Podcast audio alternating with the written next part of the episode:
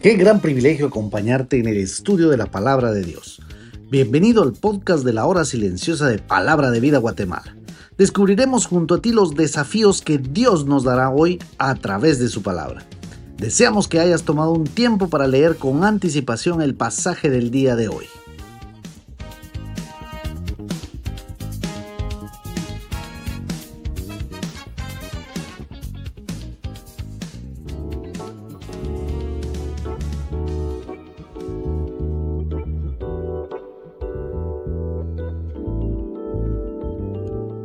Qué bueno poder estar con ustedes en el comentario de la hora silenciosa. Te saluda Oscar Fuentes del Ministerio de Palabra de Vida aquí en Guatemala. Nuevamente es un gusto poder estar contigo y ver allí en Josué capítulo 2, versículo del 12 al 24.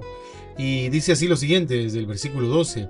Os ruego pues ahora que me juréis por Jehová que como he hecho misericordia con vosotros, así lo haréis vosotros con la casa de mi Padre de lo cual me daréis una señal segura, y que salvaréis la vida a mi padre y a mi madre, a mis hermanos y a mis hermanas, y todo lo que es suyo, y que libraréis también nuestras vidas de la muerte. Ellos le respondieron, nuestra vida responderá por la vuestra, si no denunciareis este asunto nuestro, y cuando Jehová nos haya dado la tierra, nosotros haremos contigo misericordia y verdad.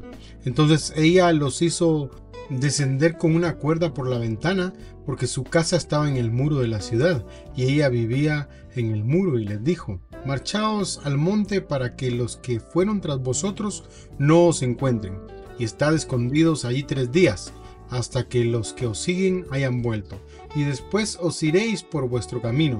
Y ellos le dijeron, nosotros quedaremos libres de este juramento con que nos has juramentado. Aquí cuando nosotros entremos en la tierra, tú atarás este cordón de grana a la ventana por lo cual nos descolgaste. Y reunirás en tu casa a tu padre y a tu madre, a tus hermanos y a toda la familia de tu padre, cualquiera que saliere fuera de las puertas de tu casa, su sangre será sobre su cabeza. Y nosotros sin culpa, mas cualquiera que se estuviere en su casa contigo, su sangre será sobre nuestra cabeza, si la mano le tocare. Y si tú nos denunciares de este nuestro asunto, nosotros quedaremos libres de este juramento con que nos has juramentado. Ella respondió, sea así como habéis dicho. Luego los despidió y se fueron. Y ella ató el cordón de grana a la ventana. Caminando ellos llegaron al monte y estuvieron allí tres días hasta que volvieron los que los perseguían y los que los persiguieron buscaron por todo el camino pero no los hallaron. Entonces volvieron los dos hombres, descendieron del monte y pasaron y vinieron a Josué hijo de y contaron todas las cosas que les había acontecido. Y dijeron a Josué, Jehová ha entregado toda la tierra en nuestras manos y también todos los moradores del país desmayaban delante de nosotros. El día de hoy estamos acá con esta mujer llamada Ra. Vemos cómo realmente Dios ampara a aquellos que verdaderamente han experimentado la fe en Dios.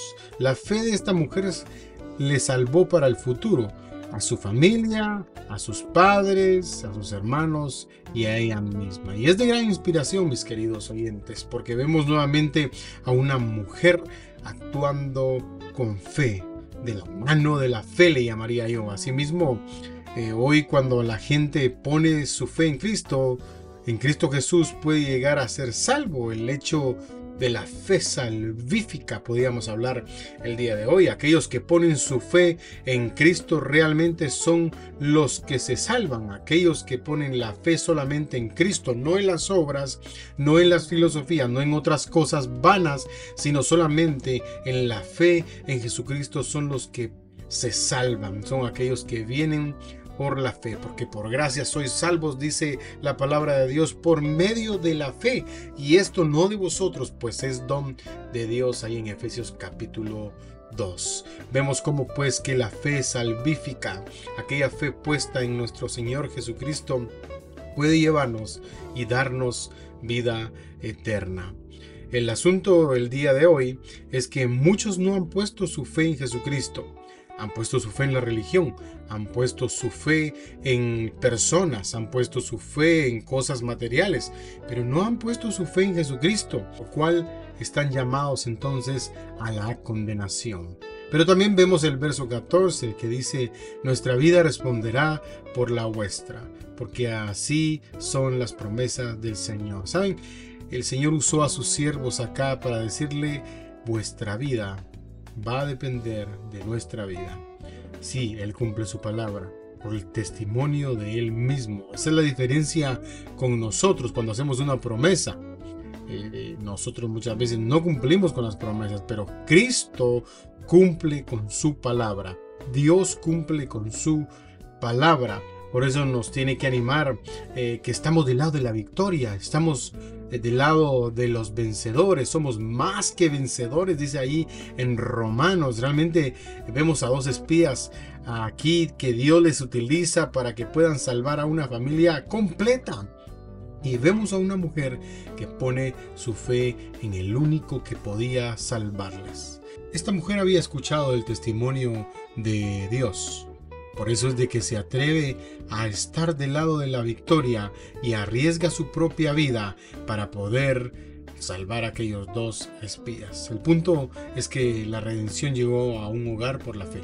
¿Cuántos hogares hoy hay destruidos porque no estamos predicando probablemente? Porque no estamos dando ejemplo, porque el pecado ha sido inminente que ha sido destruido los hogares hoy de nuestro alrededor. En segundo lugar, vemos el cuidado que Dios tiene para cada uno de sus siervos. Eh, Dios cuida de aquellos que le sirven.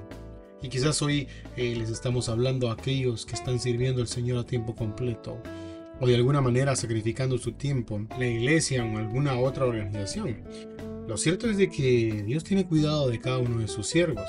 Y vemos acá el cuidado que tiene para los dos espías mandándole a una mujer que probablemente nunca pensaron que se iban a encontrar.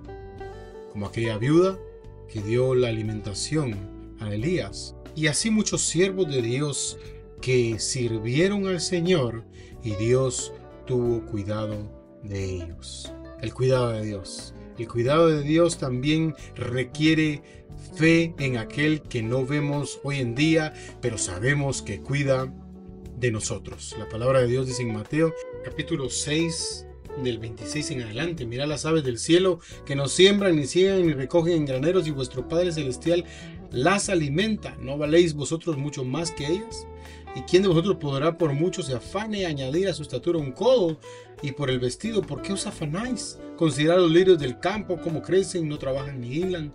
Pero os digo que ni aun Salomón con toda su gloria se vistió así como uno de ellos. No os afanéis, pues diciendo qué comeremos o qué beberemos. Dios verdaderamente cuida de sus siervos, cuida de sus hijos. Y Él está ahora mismo, dice la palabra de Dios, trabajando. Por eso viven el día de hoy es un buen tiempo para saber a qué familia puede ser de influencia. Estos espías llegaron a la casa de esta mujer y claro, la mujer tuvo mucha fe y llegó la salvación a ella y a su familia. Quizás este es el momento donde tienes que pensar en aquellas familias que necesitan a Cristo. Solamente acércate, habla de Cristo, habla de Él.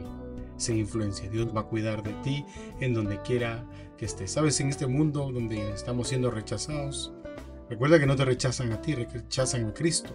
El día de hoy es un buen día para predicar el nombre de Cristo y ser de influencia a aquellos que lo necesitan. Que el soberano Dios bendiga tu vida grandemente.